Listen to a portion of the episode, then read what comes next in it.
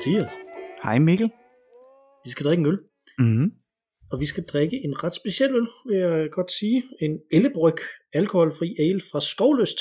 Ja. Øh, som vi, har, vi har drukket noget fra Skovløst før, som er det her økologiske, ikke sandt? Det tror jeg da. Jo, jo. Ja, det vist ikke. Ja, det ved jeg ikke engang. Det ved jeg faktisk ikke, om det er. Men det er jo Det sådan et øh, øh, fynsk, øh, tror jeg, bryggeri.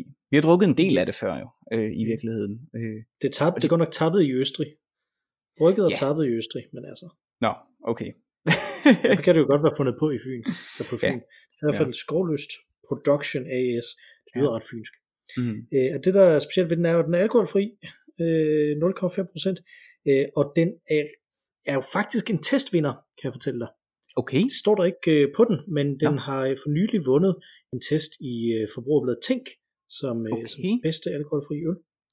Så Altså, jeg vil sige, jeg er delen dylden med spændt på den, fordi skovløst har vi jo som sagt drukket nogle gange, og det plejer at være sådan gedine øl. Ikke sådan nogle, øh, øh, hvor man sådan bliver blæst bagover. Øh, heller ikke sådan nogle mikkelagtige nogen, som er sådan eksperimenterende, men sådan nogle rigtig gode, gode, øh, ordentlige øl. Øh, Mm. af, af, hvad jeg husker af, af de skovlyst, vi har, har drukket. Vi har drukket en forårsbryg og sådan noget, ikke? Øhm, så det bliver jo vanvittigt spændende. Det vil da være fantastisk, hvis, hvis det her så er alkohol, den alkoholfrie øl, vi skal drikke fremover. Vi har jo været en del igennem efterhånden. Mhm. Mm. ja, det vil være en game changer, vil jeg sige, hvis, øh, hvis, man, hvis den kan leve op til det, som der står bagpå, at øh, den er et flot bevis på, at en god øloplevelse ikke behøver at indeholde procenter, hvor ølets skønne smag er i centrum. Hvis det rent faktisk lykkes, meget spændende. så, så behøver vi jo slet ikke drikke alkohol mere. Altså, så er det jo ligesom... Øh, Ja, og fordi at det, den smager jo ikke ligesom alle andre øl, kan man sige. Men hvad nu, hvis det er ølløn? Øllenes øl? Bliver vi, så, bliver vi så nødt til at lukke podcasten, hvis vi kan drikke flere så er der ikke, så må vi kun ævle, jo. Ja, Det er der ikke nogen, der gider at høre på. kun ævl. Må jeg lige... Ævl. må, må jeg spørge om en ting? Øh, fordi jeg, lag, jeg var nede og købe... Øh, jeg var nede og købe denne her øl i øh, menu.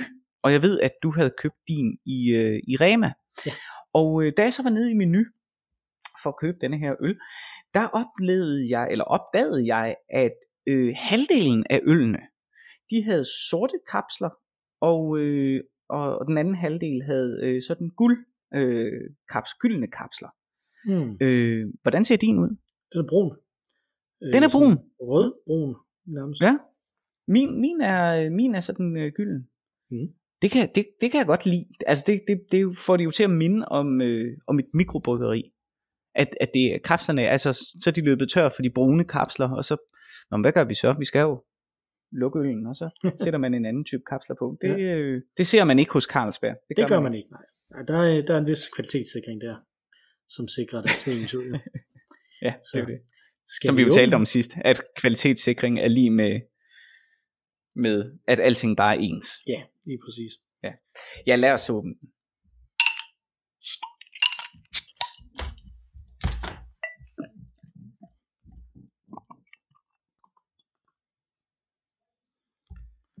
Okay. Flot er den i hvert fald.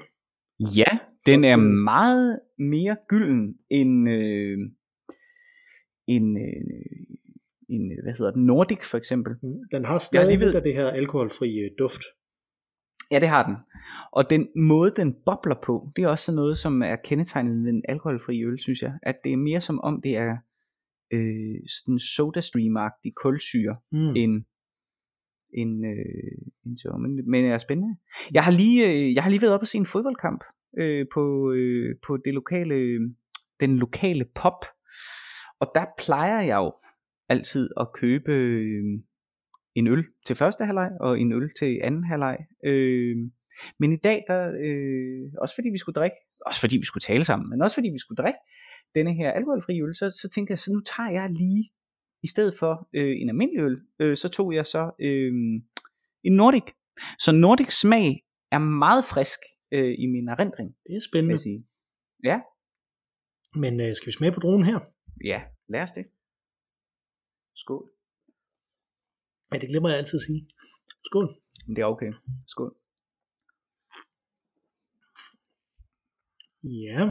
Hvad synes du så, når du mm. har den Mhm. anden i din erindring? Øhm,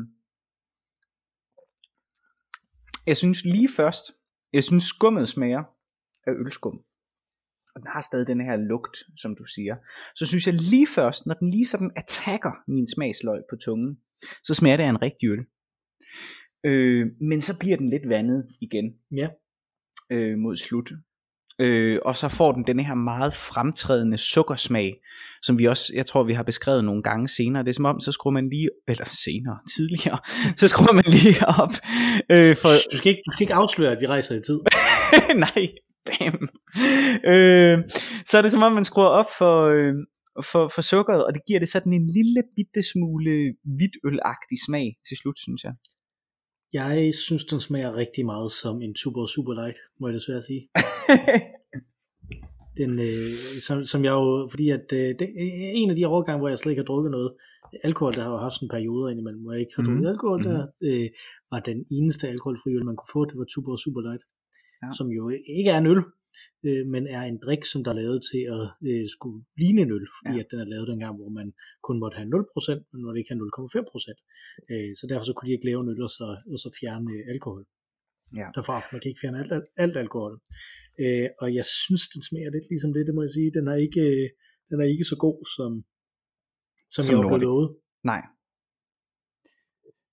Øh, det er ikke en game Nej, jeg vil changer. faktisk, jeg vil jo faktisk sige, jeg har øh, siden vi lavede vores øh, afsnit om øh, Don't Worry juleøllen, som Ja. var uden alkohol, så har jeg jo smagt den igen. Og den synes jeg faktisk smager ret godt. Okay. Den smager væsentligt bedre, end vi synes, da, de, da vi, da vi, da vi ligesom, øh, drak den sidst. Så øh, så den, den er altså min, den er min foretrukne sådan danske alkoholfri øh, øl nu. Det er den der Don't Worry. Okay. Jamen, øh, altså jeg tror, at danske er måske nok stadig til den klassiske Nordic. Øh, men jeg vil stadig mene, at min foretrukne alkoholfri øl, det er den, øh, som man i hvert fald altid kan købe i Rema. Øh, øh, Bavaria, Mm. den blå, som har sådan en Hogarden-agtig øh, Ja. smag. Øh, den, den synes jeg er ret lækker. Denne her, den, den bliver lidt for, ja, den bliver lidt for, det er, det er jo interessant, det havde jeg faktisk ikke set, og jeg ved heller ikke, om du har sagt det. Øh, jeg skulle lige til at sige, den er, det er som om, den forsøger at være en ale, og det er jo en ale. ja, så det er det. det er jo det. Det er jo derfor, og måske skulle de ikke have prøvet på det. Måske skulle de bare have prøvet at lave en pilsner. Ja, det kan Mm. godt være, men man kan sige, at den der Tuborg Superlight prøver jo at være en pils, når man smager omtrent på den her måde. Så øh, ved- Men det var jeg fordi, jeg du kom til at tænke på, om vi bedømte juleølen så, så, øh, så hårdt, fordi at vi målte den op mod en juleølsmag. At hvis vi nu Det havde tror målt jeg. det op mod noget andet, så øh, ville vi måske være mere åbne over for, for den lidt mærkelige smag, som, som den havde. Jamen, jeg tror det nemlig, og, og grunden til, at jeg prøvede den, det var fordi, at, at kan du huske folkemødet på Bornholm i år? Øh, Mhm. mm. der, øh, der var der øh, storm, da alle folk skulle hjem, alle folk Okay. skulle tilbage fra folkemødet, Nå. så derfor så blev, der, så blev de flyttet rundt på alle mulige forskellige øh, fly og sådan noget, og, og jeg Okay. følger ret mange af dem, som der så var på folkemødet, ikke? og der den øh, alkoholfri øl, som man kunne købe der, var jo selvfølgelig, fordi det er Svaneke, som er øh, Bornholmer øh, ting, så det de kunne købe i lufthavnen der af alkoholfri øl, det var Don't Worry, julebryggen. Ah, Så der så jeg nogen, som der egentlig var, meget, var glade for den, og derfor Ja. tænkte jeg, at jeg ville prøve den igen. Så, okay. Ja, ja. øh, så den, den, lad, os, lad os sige det på den måde, den er ikke, vi behøver ikke at, at, at være så harske over for den, som vi var dengang Nej. i sin tid til jul. Så Nej. nu har vi trukket det øh, tilbage. Mhm. Jeg har gået og tænkt i den her uge rigtig, rigtig meget på øh, Okay. design øh, som begreb, og på design som sådan, en, øh, som sådan, en, øh, som sådan et emne. Øh, og i den forbindelse, så har jeg jo, så har jeg jo tænkt på dig, Mathias. Ja. Øh, fordi du er, det er jo en af dine store forbrydelser mod menneskeheden, det er, at du ejer øh, et øh, frygteligt designobjekt, øh, som er Kai Bøjsen-aben. Hvorfor er det, du godt kan lide den? For den kan du nemlig godt lide, ikke? Jo, jeg kan godt lide den abe. Jeg synes, den er... Øh, den er jo... Den er jo den er super sød for det første. Øhm, og så er den helt utrolig øh, vel udført øh, rent håndværksmæssigt. Øh, den har nogle meget, meget fine samlinger, hvis man ser på, hvordan dens øh, ører for eksempel øh, hænger sammen, og, og, og denne her øh, hvide, øh, hvide øh, mund, som sådan en abe nu har, ikke? hvordan det hænger sammen med det mørke træ, det lysere træ, som det så samlet meget, meget fint i, øh, i det mørke træ. Det samme hænderne er meget, øh, samlet meget, meget fint. Den har nogle fine øh, detaljer. Øhm, og jeg har altid været meget fascineret øh, af, af den. Øh, så, så ja, så den ejer jeg øh, som ind. Og så, så er den jo en del af, af en del af noget, som rammer ind i en, i en, øh, en del af designhistorien, tror jeg, øh, som er en periode, jeg godt kan lide, altså de her, øh, som man kalder mid-century øh, Scandinavian, eller Danish øh, designer. Øh, man ser både, altså inden for arkitektur var der jo en masse kendte arkitekter, men jo især inden for møbler og, og lampe design var, var øh, Danmark jo er Danmark stadig stor, men, men var virkelig, virkelig stor der i, i midten af, af 1900-tallet, øh, hvorfra den her abe så også kommer. Øh, det, ja, den, jeg synes, den er vældig fin. Men den er jo, det er jo sådan en, den er jo en del af det her tigtræsbølge, som måske er ved at være lidt passé nu. Øh, der var sådan en periode i, i, i øh, begyndelsen af 10'erne, hvor øh, det var bare om at gå på, øh, på loppefund og, og få en masse tigtræ ind i sit øh, hjem. Det bliver måske også lidt, lidt voldsomt og lidt mørkt. Øh, men øh, vi har en del, men vi har også en, en masse andet.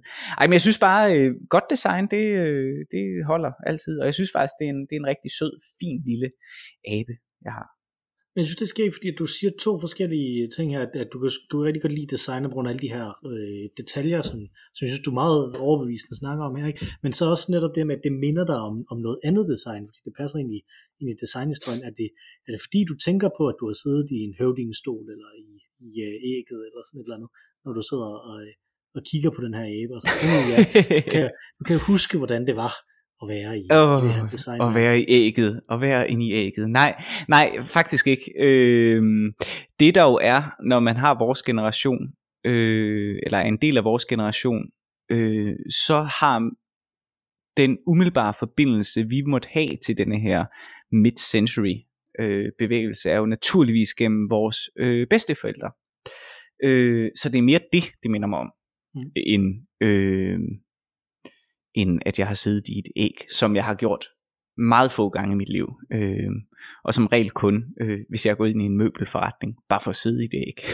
har, de så, har de så taget det, den stol, som du har siddet i, den æggestol, du har siddet i, og så udstillet den på et museum bagefter? Fordi, at det, Fordi... det gjorde, de, gjorde de med den øh, høvdingestol, som Barack Obama han sad i, i, da han var i Kolding. Øh, ikke endnu. Ah, Men altså, jeg har, jo også, jeg har jo også livet foran mig nu. Så, øh, så det er stadig ikke givet en Nobelpris, vel? Nej, Øh, og det synes jeg også er, er for dårligt. Men altså nu har, nu har priserne også været lidt, den har været lidt nede, ikke? Den blev ødelagt med Bob Dylan. så. Jeg ville have tænkt, at den blev ødelagt med alle de der sexskandaler, men okay. Nå. så, ja, ja. Sådan, sådan kan vi jo så... Jeg ved ikke, hvem der, jeg ved ikke hvem, der, hvem der ødelagde den. Så er der jo en eller anden, Men en, eller, en eller anden, som absolut ikke er ham selv, der bliver ved med at nominere Donald Trump til fredsprisen. Så, øh. ja, og det er i hvert fald ikke ham selv. Nej, det, det kunne han aldrig finde på. Øh, en ydmyg mand. Nej, nej, nej. Nej, ja. øh, men der var, øh, apropos, det er jo ikke, da jeg var på sommerferie, mm. der, tog, øh, der var vi, øh, jo i München, som jeg fortalte om sidste gang, og der, der gik vi ind i en, øh, i en tysk øh, design, øh, møbeldesignbutik, og jeg vil tro, at i hvert fald en tredjedel, men nok også lidt mere end det, af alt det, de havde derinde, var dansk design.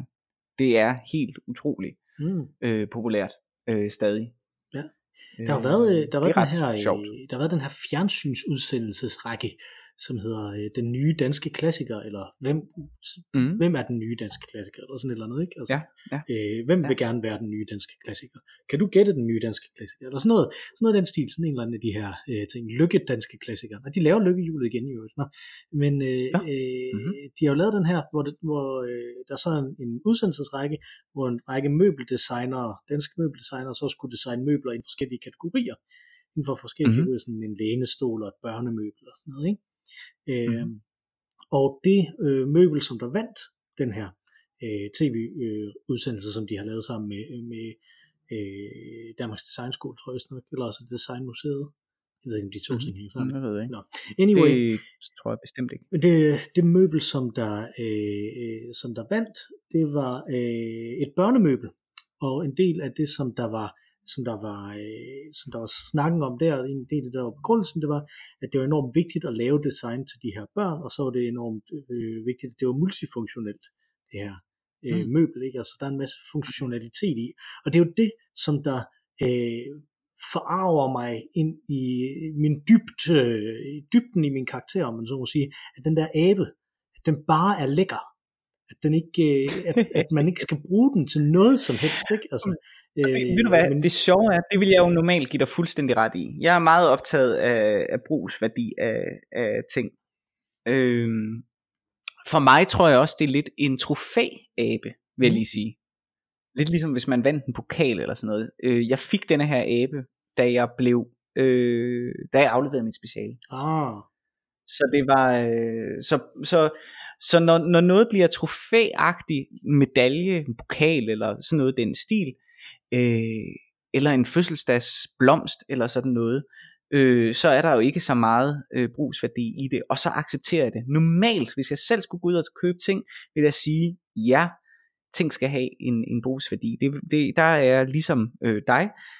Øh, men der er ting, øh, som alene, som man kan tillade alene har en, en øh, æstetisk værdi, og så øh, må man lade den æstetiske værdi være brugsværdien. Altså hvis du har en ting, Mm. mm. som hvis du kigger på den, så gør den dig øh, glad, så er det jo også en slags brugsværdi.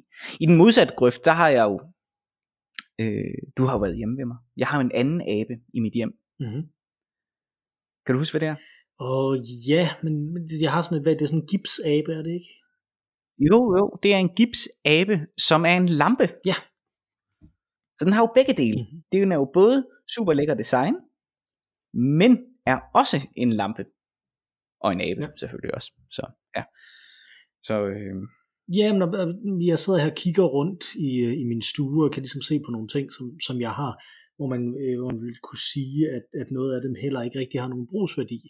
Øh, jeg har en statue af en saxofonist, en alt saxofonist, som, der, som står mm. Her øh, over til venstre for mig, og så kan jeg kigge op på sådan en øh, lægemaske fra øh, Sydeuropa, som, øh, som jeg har hængt på ja, fra Sydeuropa. en pest. Ja, sådan en pestlægemaske pestmaske. som jeg har Ja, hængt ja, ja, op ja. på væggen også her, og jeg har også øh, to statuer, sådan to byster. En af en øh, længselsfuldt udseende kvinde, og så en af Platon.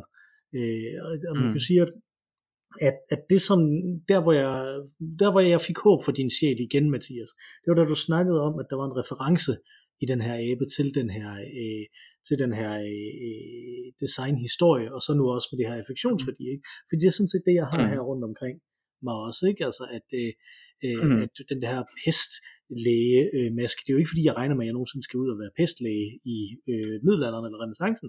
Det ville da være overraskende. Men Igen, vi kan rejse i tiden, så det alt er muligt. Øh, så, men altså, den her, så skulle jeg have den med jo også, ikke? Men, øh, og det, mm. Mm. altså, det, er, det er sådan en, fordi at jeg, øh, den minder mig om dels der, hvor jeg har købt den i Venedig, øh, og dels der, øh, hvor jeg har øh, oplevet den rigtig meget, nemlig i Assassin's Creed-spillene, øh, som er sat i renaissancen Ah. i Venedig, så det tænker jeg på rigtig meget, når jeg kigger på den. Øh, og så har den jo også en æstetisk værdi. Det er jo fuldstændig, altså det er jo, det er jo fuldstændig ret i, at man bare ved at se på den, så bliver man jo skræmt af den her. Ikke? Altså det at have sådan en, ja, det man. det at have sådan en morbid ja. Ting inde i sit hjem, synes jeg også er meget, øh, er meget fornuftigt egentlig at have sådan et par stykker af dem. Det er sådan et Ja. memento mori.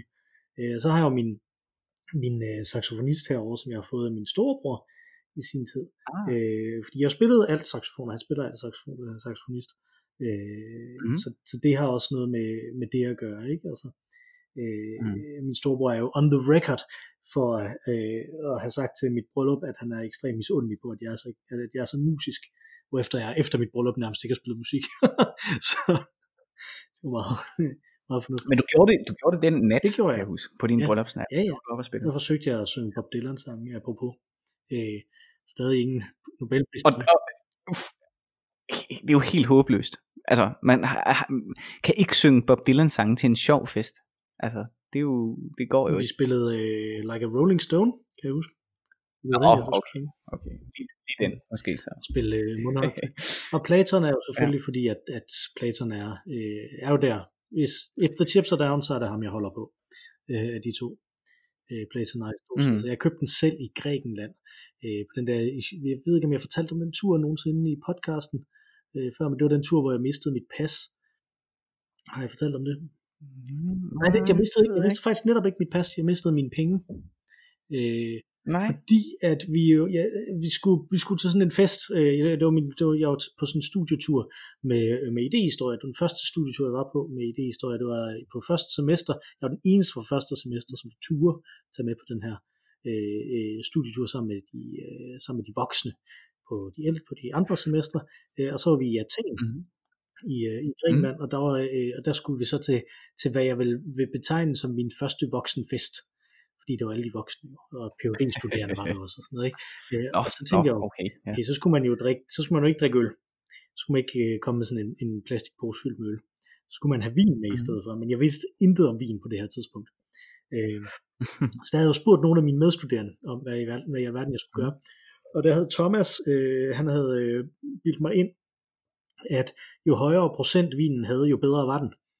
Øh, og efter jeg jo så prompte gik ind og købte en portvin, øh, og overbeviste ja. en af de andre, jeg havde med også, om at en portvin, det måtte være det rigtige at, øh, at købe her. Så jeg ankom altså der med Ja. to flasker portvin til den, To flasker på. til den her øh, fest, hvor vi så i øvrigt også øh, den eneste musik, som, øh, som hende vi var ved festen øh, øh, til fest hos havde, det var Mozart. Så vi sad og hørte Mozart og drak, øh, og drak portvin, og jeg, jeg kan huske, vi diskuterede, at det var kønskvoter, øh, hvilket var det lyder som en pragtfuld det var ret fascinerende, og så op på sådan, øh, op i sådan en, øh, sådan en tagterrasse i Athen, ikke? Altså, det var meget, Ja, det lyder virkelig efter lækkert. øh, eurokrakket jo der også. Så, Ja. øh, Virkelig lækkert. men jeg kunne ikke drikke alt det portvin, øh, så jeg gav det til en, øh, der hed Rune, som, øh, som, jeg, Ja. som jeg boede på værelse med, som, var, som elskede portvin. Jeg tror, vi fik drukket en halv øh, flaske portvin til sammen, mig og ham, som jeg havde overbevist mm. om, der så drak Rune den anden halvanden flaske. øh, måske havde han sin, øh, sin øh, ham den tredje, som vi boede med noget roer, måske var han også med. Øh, og øh, så øh, gik, gik vi så tilbage til, øh, til hotellet, og så fik vi en øl øh, ude foran hotellet, og så gik vi ind og, øh, og, og sov. Ja, Og så gik det jo hverken værre eller bedre, end at, at få timer senere, så blev der kastet en taske ind igennem øh, hoteldøren, øh, døren, Mhm. hvor øh, de alle sammen Mhm. kastede sig ned på, på, på gulvet bag, øh, bag sådan den der disk og sådan noget, ikke? fordi de tænkte, det måtte være en bombe. Øh, men den ja. eksploderede ikke. Øh, og så gik de hen og kiggede i den der taske, og så så de mit øh, pas, der lå i den her taske. Oh, nej. Øh, Okay. og så øh, ringede de jo så op på øh, det værelse, som jeg delte med Rune. Øh, men altså, jeg sov rimelig kraftigt, øh, fordi at øh, jeg jo havde drukket noget andet vin også, og så det der øl. Øh, og jeg var ikke så vant til de Mhm. der voksenfester. Og Rune havde jo drukket sådan, så meget der. Så da han tog telefonen, da de ringede op, øh, og, de, og de så sagde, øh, Hello, excuse me, is there someone named Mikkel up there? Øh, så svarede Rune, der er fandme ikke nogen her, der hedder Michael, og lagde på igen. Øh, og dagen efter opdagede jeg jo så, at jeg ikke havde min taske. Øh, men da jeg kom ned, så øh, fik jeg jo så at vide, at min taske var der. Men jeg havde, øh, jeg var blevet lenset for alle mine penge. De havde ikke taget mit kreditkort. Øh, fordi at det var Nå. et dankort kun. Jeg havde kun sådan et hævekort dengang. Og det kunne de åbenbart se. ah, Så det lå de værd med. Øh, og de havde ikke taget mit pas, så det var sådan set meget sødt. De havde kun taget det, de kunne bruge, i stedet for øh, at tage alt det, som der var træls. Men jeg, jeg stod jo så dernede, øh, og Rune, den champ, han lånte mig så penge til resten af, øh, af turen dernede. Så det var, øh, det var meget fascinerende og, øh, øh, og godt. Og det var på den tur, hvor jeg købte min Platon byste, som jeg havde købt inden øh, alt det her skete. inden, okay, okay. Så det var ikke for øh, lånte øh, Det var ikke for penge. penge, hvis jeg husker rigtigt i hvert fald. Men, øh, så den havde, jeg, den havde jeg med tilbage. Og den Mhm. sidste, den længselsfulde kvinde, er en gave, jeg har givet min kone Ja. i sin tid. Øh, fordi at jeg var i Rom øh, uden hende ret tidligt i vores forhold. Øh, og så så jeg den her, øh, og øh, det kunne jeg ligesom fornemme på, jeg var inde på, dengang der var, dengang kunne man jo ikke ringe hjem. Så, øh, så, den, så der var jeg inde på en internetcafé i Rom, øh, og Mhm. øh, Mhm. lavede sådan et videoopkald over Skype til hende øh, og snakkede med hende der. Og hun savnede mig rigtig meget, virkede det til. Øh, og jeg var jo i Rom, Mhm. så selvfølgelig savnede jeg hende, men altså, hallo, jeg var i Rom. Ikke? Øh, så, Så, øh, men jeg så så den her, øh, den her øh, kvinde, som der så meget længselsfuld i blik, som jeg jo så købte til hende øh, med hjem. Det var en meget sådan self-congratulatory gift. Ikke? Men, øh, ja, men det gjorde jeg nu en gang. Jeg var øh, ung og, og kod dengang. Så hun blev sikkert glad det gjorde hun, fordi ellers så ville hun jo ikke have den stående fremme her mange år senere Nej, i, det det. øh, i vores. Mm. Så, det, så der er de her ting, ikke? Altså, der er nogle historier, øh, øh, som der hænger med der, og der er nogle referencer til Mm. øh, den, øh, den højere ting. Så på Mm. den måde kan jeg jo godt forstå det, men det, er jo, det har jo netop været et, øh, et, en ting, jeg har tænkt meget over, hvorfor du var så glad for abe. Ja. Ikke? Altså, fordi, at, fordi at jeg jo netop, altså jeg har det jo lidt på samme måde, som jeg også, jeg har altid været vred på uger, øh, fordi at de kun kan én ting, og så er de enormt dyre, øh, og så kan man bare se, hvad klokken er. Øh, og, Men, den, men det er jo en vigtig, det, det er jo ikke, ej, uger det forstår jeg ikke, fordi uger har jo både en æstetisk værdi og en brugsværdi. De kan jo sige, hvad klokken er. ja, men jeg tror, det er fordi, at, øh, at de er så dyre. Altså, hvorfor betaler man så meget for et stykke teknologi, der kun kan én ting? Og nu er der så smartwatches i stedet for. Øh, og dem synes jeg jo grundlæggende set, folk er sådan lidt kiksede, når de har. Øh, så Det er folk, der gerne bare vil være stresset hele tiden.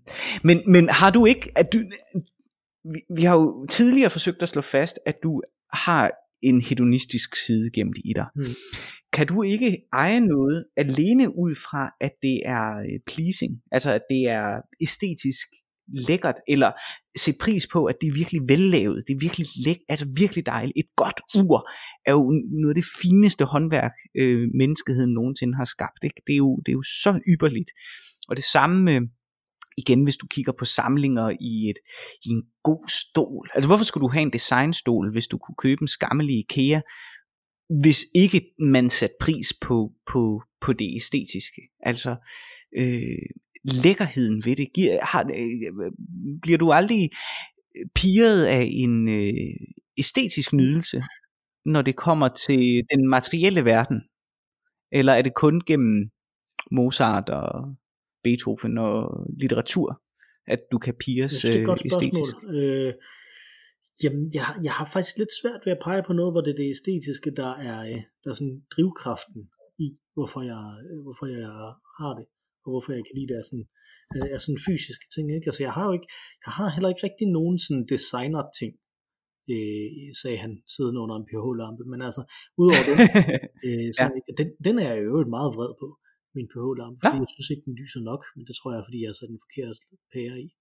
Øh, det, det tror jeg også, det er det, det handler om. Han, han, han kunne et eller andet med lys, så vidt jeg kan forstå. Ja. ja, det, ja. Øhm, men jeg ved det ikke. Jeg, jeg har, I dag har jeg samlet en IKEA-lampe. Øh, og IKEA de laver sådan Ja. nogle, øh, de, de laver deres normale ting, men de laver også sådan årligt et sådan design-design-serie. Ikke? Og det er den, den Mm. er så fra, det er den, der hedder IKEA PS 2014, tror jeg. Den er fra 2014, den her som øh, min Mhm. søn gerne vil have inde på sit værelse, fordi at øh, den ligner dødstjernen, synes han. Øh, Ah, den har jeg, den har jeg samlet i dag, og det er sådan en, øh, sådan no, en masse, øh, en masse øh, små dele, som der, som der klikker sammen, øh, og så hiver man i Mhm. en snor, og så, så altså, den bliver sådan en rund øh, planetagtig ting, ikke? så hiver man i en snor, Ja. så deler den sig øh, op. den ligner dødstjernen ret meget. Jamen, det vil jeg give ham ret i. Ja, nemlig når den er lukket sammen, så, så er den sådan diskokugleagtig i lys, og så åbner man den op, og så øh, er det nærmest en eksplosion, der er i gang. Øh, og der er der måske noget om. Men nu tror jeg måske faktisk også, at rigtig meget at sådan min, at den måde, jeg er blevet udsat for design på, øh, har været gennem fotografier af det. Øh, jeg, ikke, jeg kommer jo ikke fra en baggrund, hvor jeg har øh, hvor jeg er blevet udsat for vildt meget sådan design, design egentlig. Så det kan jo godt have noget med det at gøre, måske. Jamen det ved jeg heller ikke, om jeg synes, jeg gør. Jeg er selvfølgelig også kraftig under indflydelse af min, øh, af min kone jo, mm. som, som jo er øh, arkitekt. Øh, så, så, så der er jo øh, selvfølgelig, selvfølgelig noget, noget indflydelse derfra, men jeg tror alligevel, at jeg altid har været fascineret af det, altid godt har kunne lide sådan nogle ting, øh, fascineret af ordentligheden i det. Øhm, og, og du er det jo også alligevel. Altså du har jo for eksempel øh, Millennium Falcon. Den har jeg så ikke så meget mere, fordi at min søn har fået lov til at lege med den. Men... Ja. Men, men, men, men det var jo et designobjekt. Mm kan man sige. Ja, det kan man sige. Lego i det hele taget er jo også øh, en eller anden form for Lego i det hele taget er et designobjekt. Jo, jo, absolut. Ja. Så der kunne der måske være noget i det. Mm. Ja. Så ja, der, der er nogle bøger, som der er sådan designobjekter, jeg godt kan lide også. Øh, der, er en, øh, der er sådan en, der hedder East Meets West, som er en, øh, en kinesisk grafisk designer, som der er flyttet til Berlin, som så har lavet sådan en bog, mm. hvor sådan her holder man fest i Vesten, sådan her holder man fest i Kina. Så, ikke? Altså, øh, som, som jo er et designobjekt mere end det er en bog egentlig. Ikke? Altså, øh, og der er også en, en, der hedder This is not a book, hvor der er, den er alle mulige forskellige ting indeni. Ikke? Altså, så et, et af opslagene er en øh, computer, og et af opslagene er en numse og sådan noget. Ikke? Altså, øh, sådan noget synes jeg også er ret fascinerende øh, på nogle måder. Men hvad med, øh, hvad med billeder? Jamen, billeder på væggen? Jamen er det ikke kunst? Det ved jeg ikke rigtigt. Jo, og hvad er forskellen? Jamen, det tror jeg, at vi er kommet alt for langt ind i den her episode til at snakke om. Jeg tror, at i stedet, så skal jeg stille dig det, det afgørende spørgsmål. Okay. Og det, nu, er, nu kommer det afgørende, Mathias. Okay. Du mm. øh, er glad for Kai Bøjs naben. Det har jeg accepteret øh, nu. Mm. Kunne du nogensinde finde på at købe en optimist? Nej. Det kunne jeg ikke. Det var det, var det rigtige svar. Men hvorfor? Ja, den har ikke nogen øh, æstetisk nydelsesmæssig værdi for mig. Den kan ikke noget, øh, synes jeg. Øh, I modsætning til aben. Den er ikke lækker lavet. Nej, nej, jamen aben, igen, aben er virkelig, virkelig, virkelig vel udført. Det er virkelig en fin, øh, lille, lækker ting. Altså det, jeg ved godt, den kan jo ingenting. Lige nu, den hænger op af en, øh, en, en potteplante, øh, vi har. Øh, men den, den, øh, den er virkelig lækker lavet. Øh, optimisten, den har, øh, synes jeg, tendens til at ligne noget, der kunne masseproduceres. Den, den giver, den, nej, den, den giver mig, øh, den giver mig ingenting. Øh, whatsoever. Øh, og det er jo det, det, altså det er det, det handler om. Og aben er jo ikke, igen, aben er jo ikke som sådan repræsentativ, fordi jeg kan bedre lide ting, som også har en brugsværdi. Design, som også har en brugsværdi. Men der sker noget, altså nu, jeg kigger lige rundt her i hjemmet, ikke? og vi har jo også en, en vase, mm. øh, en lille bitte potte, som øh, har sådan to bryster, og så er der malet sådan en bikini på, øh, som er sådan et kalifornisk design vase, mm. øh, som bare er sjov. Øh, så det giver sådan en lille finurlighed, og hvis nogen oplever den lille agtige finurlighed, ved optimisten, så er det, så er det godt øh, for dem. Øh, det, det, det er bare ikke lige mig. Men, men sådan er man jo forskellig. Altså, yeah. Bentley er sikkert en, en, en glimrende bil, men der er stadig nogen, der hellere vil køre i en Mercedes. Ikke? Altså, så. Mm.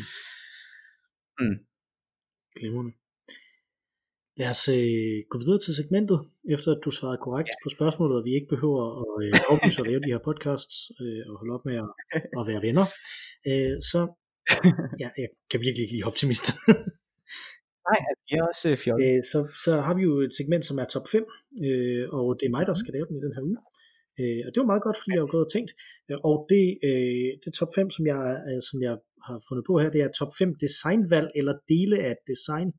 Så det er altså ikke sådan en, når, når nu du havde aben før, så er det ikke Kai Bøjesen aben, men øh, den her måde, de her fine detaljer, som du gik øh, som gik op i. Øh, okay. Den del af det. Okay. Øh, og jeg har øh, besluttet mig for, at jeg vil øh, for en gang skyld, fordi jeg faktisk snakker relativt sjældent om mit øh, fag, så vil jeg vælge nogen alle sammen fra spilverdenen. Okay. Så, så det åbner det jo også op for dig, til at du kan tage ja. fra alle mulige andre ting. Nummer et er i øh, et af mine yndlingsspil, Super Mario World til Nintendo, øh, Super Nintendo konsol. Der øh, var det første gang, at man i øh, en Mario, et Mario-spil både havde de her baner, hvor man går fra øh, venstre mod højre, men også havde det, der hedder en øh, overworld, som man kunne gå frem og tilbage hele tiden øh, øh, i, sådan så man kunne komme tilbage ind i de her baner, som man var kommet ind i en gang, og så prøve dem igen. og finde ud af de mange hemmeligheder, som der så var inde i de her baner. I Super Mario Bros. 3, som kom øh, omtrent samtidig, så de arbejdede på dem samtidig, der havde man også sådan en overworld, men det var til deres øh, tidligere konsol, så der kunne man ikke komme tilbage i de her baner, det havde den simpelthen, det kunne simpelthen ikke øh, øh, få til at passe ind i, hvor meget hukommelse de havde øh, til, at, til at lave det. Men det kunne man altså her, og det åbnede en helt ny måde at spille de her øh, spil på.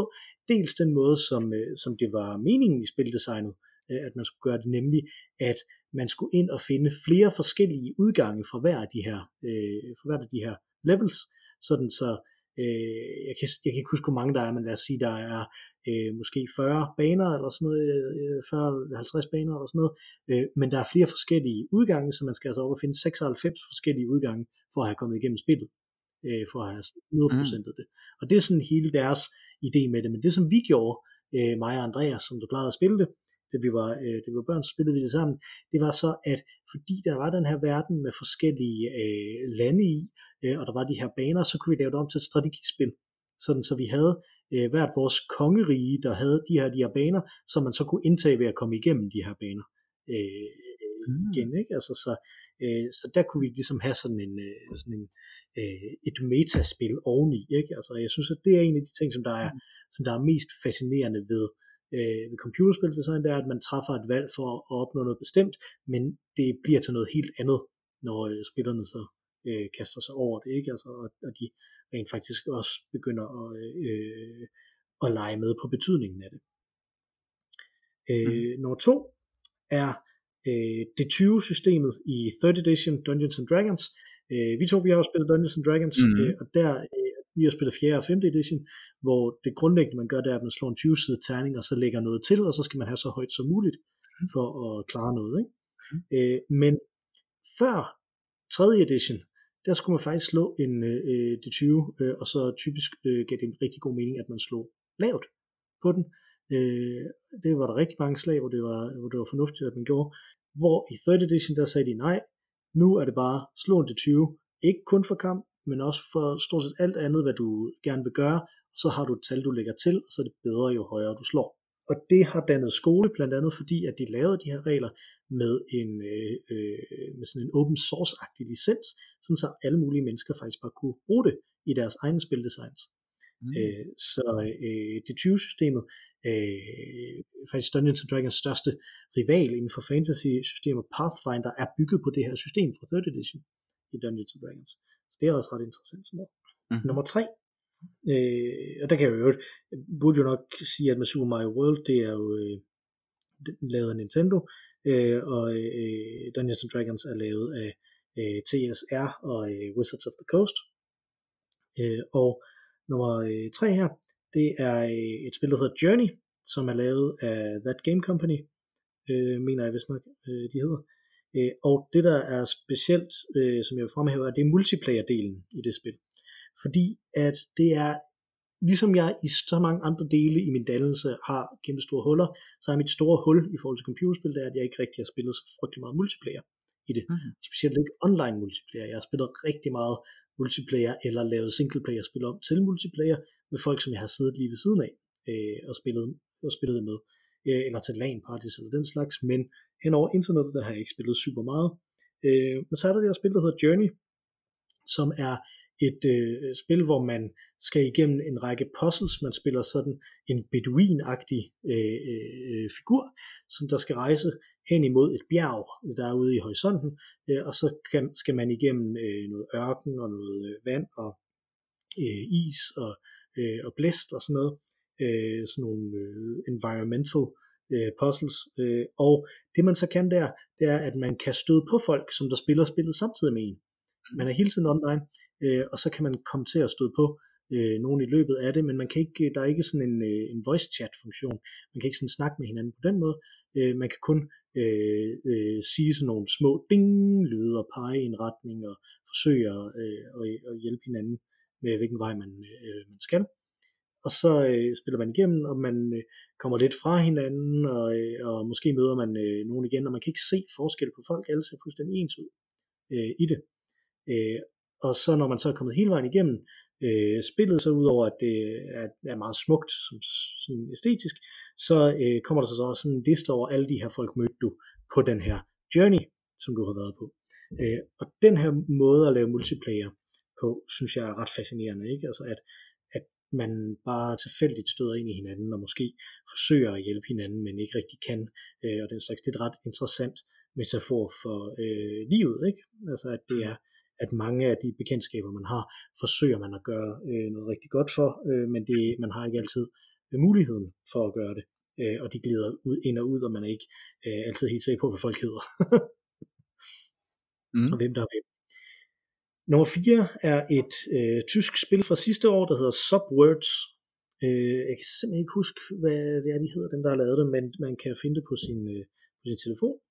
Øh, og det er sådan et, øh, øh, sådan et spil, som der går ud på, at man øh, får sådan en øh, lang række bobler med forskellige morfemer i, altså sådan dele af ord, øh, og så skal man så prøve at sætte dem sammen til ord inden for den kategori, som man, øh, som man øh, arbejder med. Ikke? Altså, så øh, for eksempel, hvis vi siger øh, animals, så øh, kan du have en, som hedder ti, og en, der hedder gør, og så skal du sætte dem sammen til at være tiger. Ikke? Mm. Øh, og, og så får du en masse af dem, som der kommer deraf. Men det der, er, øh, det, der er fascinerende for mig i designet her, det er, at man kan jo sidde der og kigge på det på samme måde, som man kan sidde og kigge på, øh, på et øh, på en sudoku eller på et, øh, et krydsord, ikke? altså bare ikke kunne noget af det overhovedet, og ikke kunne se, hvordan noget af det øh, hænger sammen. Øh, så der er der så et hintsystem i det, som der, øh, som der fungerer på den måde, at man kan få et hint. Der er, her er nogen, som, der kan, som man kan sætte sammen, og så kommer der jo nogle nye, og så bevæger de sig lidt også, de her øh, ord, øh, eller de her morfemer, så det er lidt nemmere at se, hvordan de, øh, hvordan de fungerer. Det her hintsystem øh, er noget, som der er timet inden øh, i det. Øh, mm. Det hele foregår på tid, så du skal nå at kunne, at kunne finde alle de her ord inden for øh, et bestemt tidsrum, øh, men du kan også, også kun have hints så og så langt, øh, altså øh, brug et hint, så har du 10 sekunder, inden du kan bruge et hint igen, for eksempel. Ikke? Altså, øh, og det her med, at det bliver sådan et valg, man træffer, okay, nu bruger jeg øh, sådan et hint, øh, som jeg så ikke kan bruge igen i, det, i den her tid, der kommer bagefter. Så jeg skal virkelig vide, at okay, hvis jeg gør det her, så, så bliver det, øh, så kan jeg komme videre med det, om man så må sige. At det bliver sådan integreret ind i gameplayet, så det bliver et valg, man, øh, man træffer, det synes jeg er, er, er ret fascinerende. Så det er værd at spille, sådan set bare for det, vil jeg sige. Mm-hmm. Min nummer 5 er et andet rollespilsystem, som vi to har spillet. Mm. Øh, det kommer fra Call of Cthulhu, øh, ja. som jo nok er mit yndlingsrollespilsystem. Øh, og det er, det, er, det, det er det. Og det er en no small part på grund af skillsystemet i det.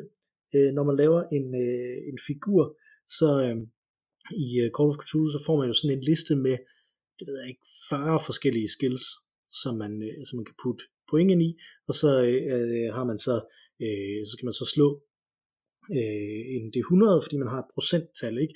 Du har 40% i driving, så hvis du, øh, så hvis du er ude og køre en bil, øh, og du skal gøre et eller andet svært, så skal du så slå med en 100 side terning, og der skal du så slå 40 eller under, øh, for at klare det. Ikke?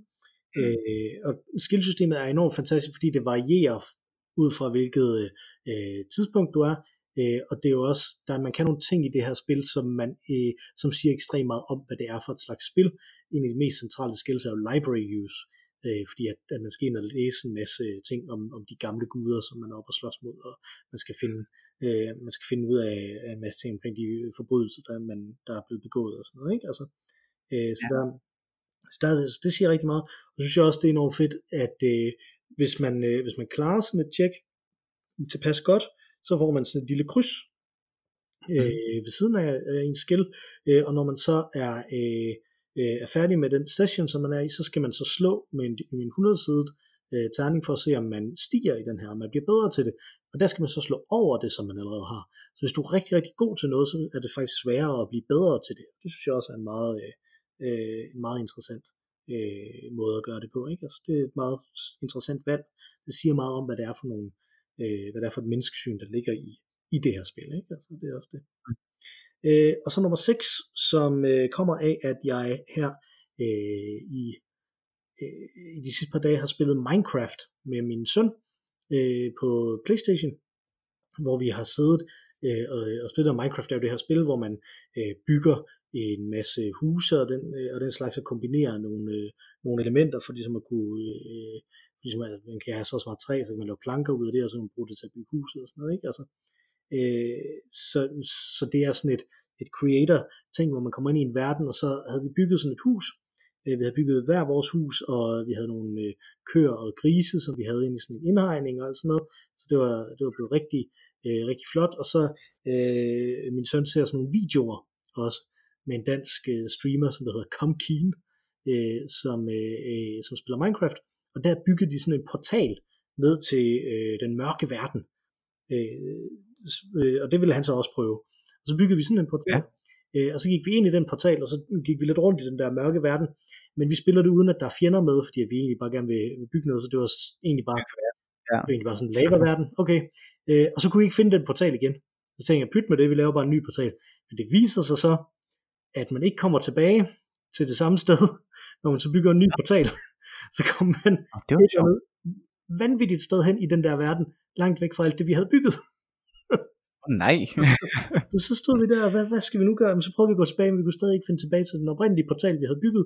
Øh, og nu heller ikke til den nye portal, så bygger vi en ny en. En tredje portal, hvor vi så også bare kom ud øh, øh, et eller andet øh, mærkeligt sted deri. Men det vi så fandt ud af, det var, at hvis man tog et kompas, som man kan bygge i, mm-hmm. i det, så peger det altid i den retning, øh, i retning øh, af der, hvor man startede spillet i sin tid. Og vi havde bygget vores første okay. hus lige i nærheden af der, hvor vi startede øh, spillet i sin tid. Så så kunne vi ligesom rejse hen over flere timer igennem den her, øh, igennem den her verden, kunne vi så rejse derhen. Altså, jeg tror ikke flere timer, da vi først fandt ud af det med kompasset, men, men altså, at det, var, det føltes som sådan en kæmpe stor øh, øh, øh rejse. Journey hjemad. Nemlig, ja. præcis. Øh, og så det, at man har det der kompas, gør, at der også er et håb. Ikke? Altså, at man ikke bare toger rundt øh, og tænker, åh, jeg kan ikke noget som helst. Der er rent faktisk en udvej her øh, mm. i det. Fordi langt de fleste, når de starter sådan noget her, bygger øh, deres, øh, deres huse, eller, eller det, som de gerne vil, ret tæt på der, hvor de starter. Ikke? Så, øh, så det synes jeg er et fremragende designtræk, øh, også at have med i øh, det. Det var mine. Fascinerende. Det var spændende. Fedt. Øh, det var jo en øh, svær opgave, synes jeg, at du havde sat mig på. Mm. Øh, fordi først da du sagde, så kan jeg jo bruge noget for mit eget fag, så tænkte jeg, det kan jeg sikkert også. Men så begyndte jeg ligesom at tænke over det, og, og det kan jeg jo ikke, fordi design netop er tit, medmindre det er et kunstobjekt som sådan, så er det jo i, i et forbindelse med en brugerinddragelse. Ligesom vi har talt om, ikke? altså der er en nytteværdi i det. Mm-hmm. Øh, aben, der er en lampe, øh, har en, bruger, en, en, en brugerinteraktion øh, med mig, og det er det, der gør den til, til godt design. Og det har øh, teater jo, jo ikke rigtigt på samme måde. Øh, der er selvfølgelig nogle procesdesigns, som, som peger på det, øh, men det var ikke noget, som jeg sådan direkte kunne oversætte. Øh, jeg vil dog alligevel starte med et eksempel på noget, som man kunne kalde godt design, men som jeg alligevel foragter øh, ganske øh, meget, nemlig det begreb, der inden for, for, øh, for øh, skuespilkunsten øh, og også filmkunsten sådan set hedder øh, The Well-Made Play. Mm. Øh, og jeg tror, jeg har nævnt det tidligere, Le Pièce Bien, tror jeg det hedder på fransk, øh, som er blevet fundet på af en gut, som, øh, som, hvad hedder han? Det kan jeg ikke engang huske nu. Det er virkelig, jo, han hedder Schrieb, Eugene Schrieb, som fandt på det her. Han var en øh, middelmodig manuskriptforfatter, han var faktisk temmelig dårlig, men han var ekstremt produktiv, øh, og skrev sidste 400 stykker hvilket jo er vanvittigt meget, som blev spillet på sådan nogle øh, boulevardteatre øh, i Paris. Og han fandt på en formel for, hvad publikum øh, vil have. Og så tænkte han, hvis jeg så bare giver dem det, øh, så bliver jeg vældig, vældig rig. Og det gjorde han. Han blev stinkende rig. Det, det, det var egentlig ret øh, simpelt. Øh, han delte ligesom stykket op i en, i en øh, femakters øh, form, øh, hvor at hvert akt skulle være så og så lang, hver scene skulle være så og så lang, der skulle være de her, de her intriger. I fjerde akt, så skulle der være det, han kalder en øh, bravurscene, øh, som virkelig var the spectacle. Øh, scenen, øh, og så skulle der ske det og det i femte akt. Det var simpelthen helt formaliseret, og han skrev alle sine stykker efter det. Øh, som sagt var han en temmelig dårlig dramatiker, øh, så der er ikke rigtig nogen af de der stykker, man, man, man uanset hvor populære de var i deres øh, samtid, og han tjente kassen, blev styrtende rig, øh, så er der ikke rigtig nogen af de stykker, som er øh, nævneværdige på nogen måde. Men indflydelsen, øh, som The Well-Made Play ligesom fik, øh, var helt enorm. Man kan tage hans hans formel og lægge ned over et dukkehjem, for eksempel Henrik Ibsens øh, store øh, skuespil, det mest spillede skuespil i verden. Og det følger det fuldstændig. Og så siger man, kan det virkelig passe? Ja, for eksempel han har ganske vist ikke fem akter, han har to akter, men det, hvis man under en del det, så der hvor øh, fjerde akt burde, burde ligge, der har vi bravurscenen, den her spectacle scene, som er den kendte dansescene fra et øh, dukkehjem. Øh, så på den måde, så øh, stjal de her store naturalistiske øh, dramatikere, som fulgte Skrib, de stjal simpelthen hans, hans idé. Og de blev vanvittigt populære, også fordi skuespilkunsten gjorde, at filmmediet begyndte at blive interesseret i det på det tidspunkt. Samtidig med naturalismen, der kom der så nogle dramateorier, som øh, sagde, at man skulle være indlevet det opstod med en fyr, der hed Stanislavski, øh, og det blev overtaget af en, øh, af en fyr, der hedder Lee Strasberg, som lavede en meget, meget anerkendt skole i New York, øh, som Marlon Brando for eksempel øh, kommer fra. Og hele Hollywood, de stjal så de idéer, til, hvordan man skulle fortælle godt øh, fra øh, Skrib. Så alle de her berettermodeller, Hollywood-modeller, hvad man ellers bliver øh, stoppet ned i halsen med, når man går i folkeskolen, det kommer altså helt oprindeligt fra Skribs idé om The Well-Made Play. Godt design, virkelig dårligt udført. øhm, nummer, øh, nummer to på min liste, det er øh, Le Corbusier, ja. en fransk mand, Øh, det, er jo, det er jo en mand, så ham kan jeg jo ikke sige. Men han har lavet et lille bitte hus. Og jeg har det virkelig sjovt øh, med små rum. Jeg kan rigtig godt lide små rum. Øh, og, øh, og du nævnte før det der med vigtigheden i brugsværdien. Han har lavet sådan et lille bitte, bitte, bitte hus, øh, men hvor at man så ligesom kan folde alt ud inden i det. Så, så det kan en masse ting, det her hus. Det kan fungere som et helt almindeligt hus, og det er bare sjovt. Så Le Corbusiers øh, lille øh, hus. Det er sådan lidt uh, tiny houses, den der øhm, øh, bevægelse, som der, som der også øh, kører i USA. Ja, ja, det er det faktisk. Eller øh, jeg tænker sådan, ja, Walton-agtig. Altså hvis jeg skulle ud og bo i en skov, så vil jeg, ikke, så vil jeg gerne bo i lidt Corbusiers hus, så det stadig var bekvemmeligt. Øhm, ja, det ville Thoreau sikkert. Nummer... Hvad? Det ville Thoreau sikkert også gerne have gjort.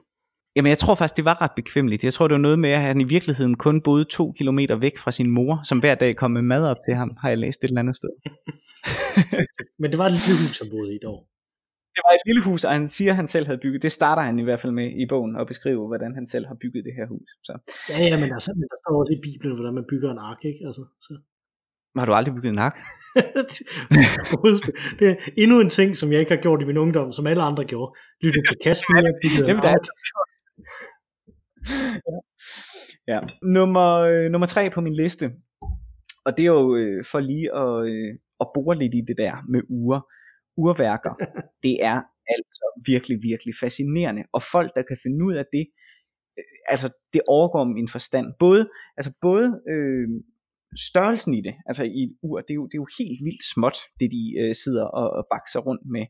Og, og så, så altså, er det jo bare fuldstændig magisk, at man kan få et ur til at gå øh, for evigt, så længe det bare er i bevægelse. Det er, jo, det er jo helt fantastisk. Og det fik mig til at tænke på det konkrete eksempel her, øh, nemlig et solsystem, øh, planetsystem, som jeg så øh, på øh, Galileis øh, Galilei-museet i Firenze. Mm. Galileo Galilei var øh, fra Firenze, og der er sådan et fint lille museum øh, om ham. Og øh, Galilei var jo øh, inde i øh, denne her øh, Kepler, øh, Copernicus, Tycho Brahe øh, bande af, af folk, som øh, øh, som mente, at øh, at jorden ikke øh, var øh, universets og solsystemets centrum. Øh, det var der nogen, der, der hårdnakket øh, forsøgte at holde fast i på Galileis tid, og havde udviklet et system for, hvordan planeterne bevægede sig, og solen i øvrigt, stjernelæmerne bevægede sig, øh, øh, sådan at det, som vi nu opfatter som en regelmæssighed, kunne betragtes som en regelmæssighed. Mm. Øh, hvis jorden var øh, solsystemet center. Øh, og der havde de så fået en urmager til at, øh, at bygge det. Og det her urværk af planeter, der dansede fuldstændig regelmæssigt, øh, sådan at, at himmellægernes bevægelse ligner det, der sker, når vi kigger op en til en. Det var virkelig fascinerende at se. Det var jo noget med, at de havde fuldstændig mærkelige baner og slog altså ud i et otte-tal og drejede rundt om sig selv og så gik tilbage igen. Men det var fuldstændig regelmæssigt.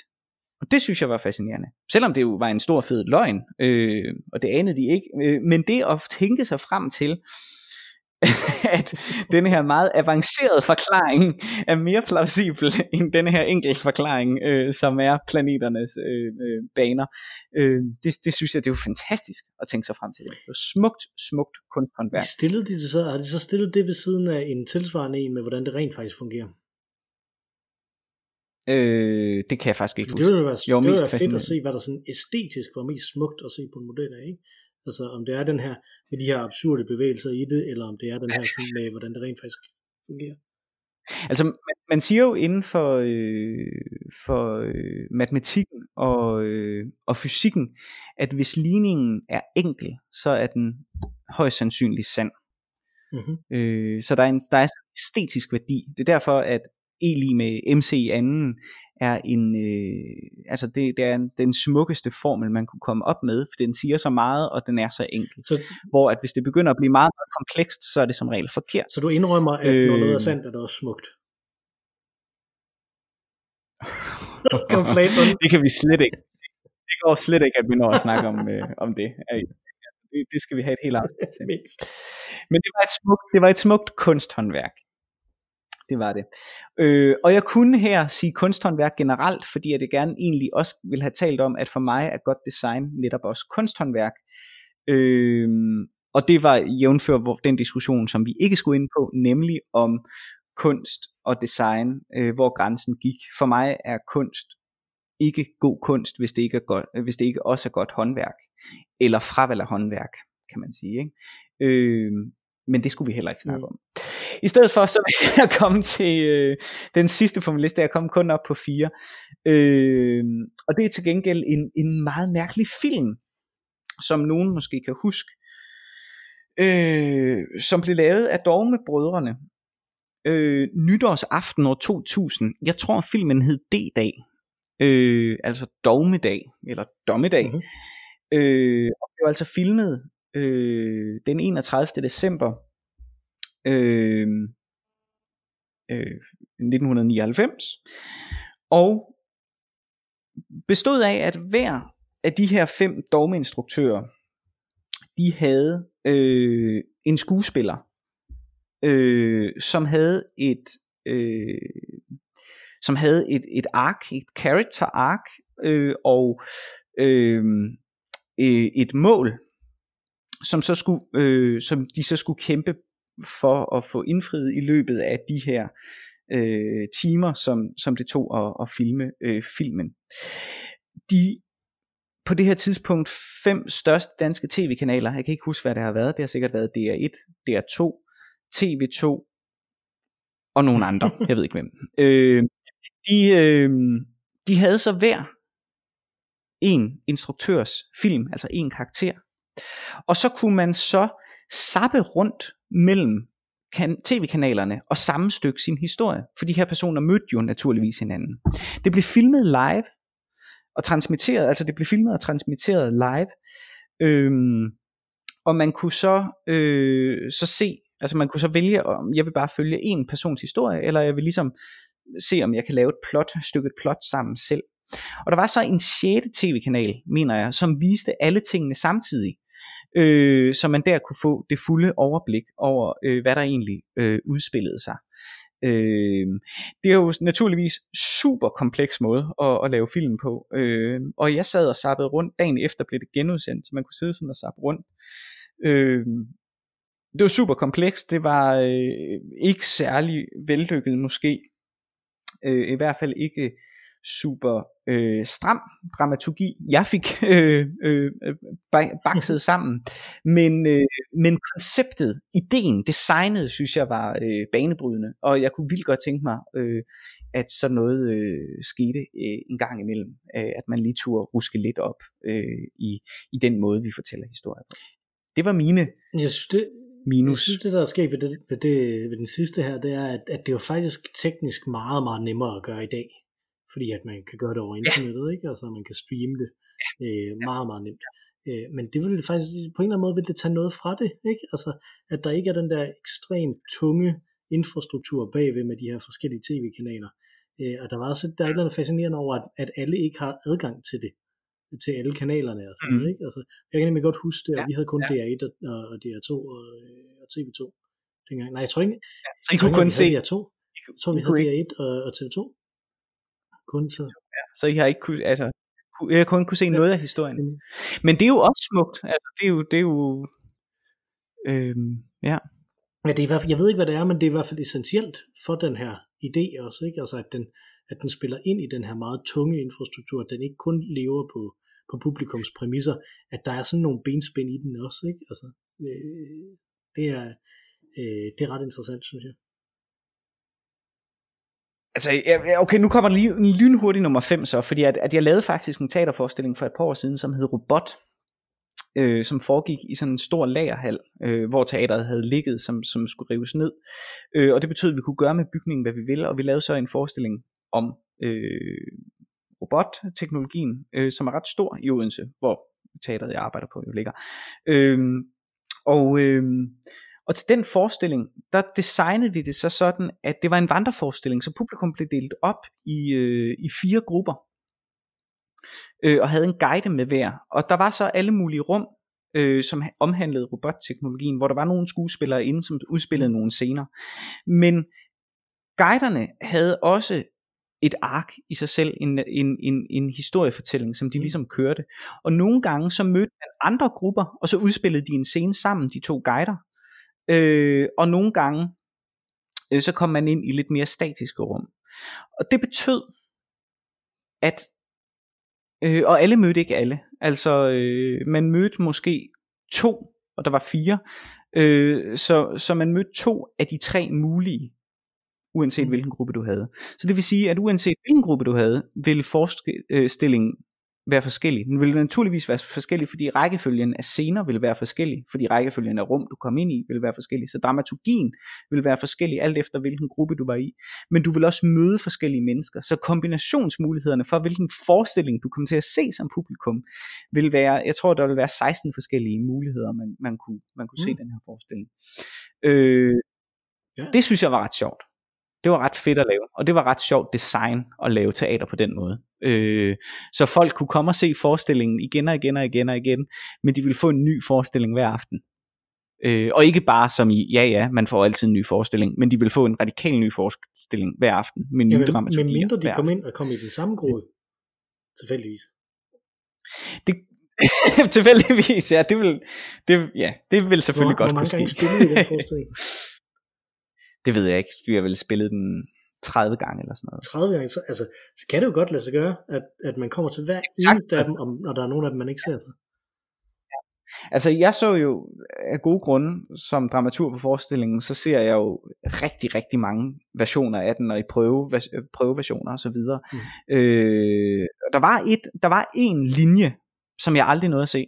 Så der var en dramaturgi, som, som jeg simpelthen ikke kendte mm-hmm. i en forestilling, som jeg selv havde været med det, det er ret sjovt. Men det er jo, det er jo ja. igen for at vende tilbage til det, jeg snakker om. Ikke? Altså, det er jo også spildesign, det her. Fordi at, at, mm. at man lægger alle de her ting ind ja. i spillet, som, som hver enkelt spiller ikke, øh, ikke ser på samme måde, og ikke kommer, til, kommer hen til på samme måde, og ikke, og ikke nødvendigvis op, oplever alt det content, som der bliver lagt ind i spillet. Ikke? Altså, øh, og du som spildesigner, øh, meget, kun meget, meget sjældent, og kun med meget, meget små begrænsede spil, øh, kan sige, at du, vi kender det hele vejen igennem. Ikke? Ja, det er præcis. Ja. Det er, jo, jo. Det er, øh, for, det er jo en, et af de store emner, vi mangler at takle, som vi på et eller andet tidspunkt skal takle, det er den her teater og computerspil. Hvordan er det, det hænger sammen? Ja, det bliver spændende. Der er rigtig meget sådan noget. Men det skal vi ikke snakke, det skal vi ikke snakke om næste gang. Nej, det, Der har vi jo jubilæum. det skal vi, ja, der har vi jubilæum, så der skal vi nok ikke snakke om det. Vi har ikke helt aftalt endnu, hvad det er, men det, øh, det, bliver, det bliver noget specielt næste gang i hvert fald. Øh, har du drukket din øl, Mathias? Det har jeg om en slurk, så den kommer nu. Samme her.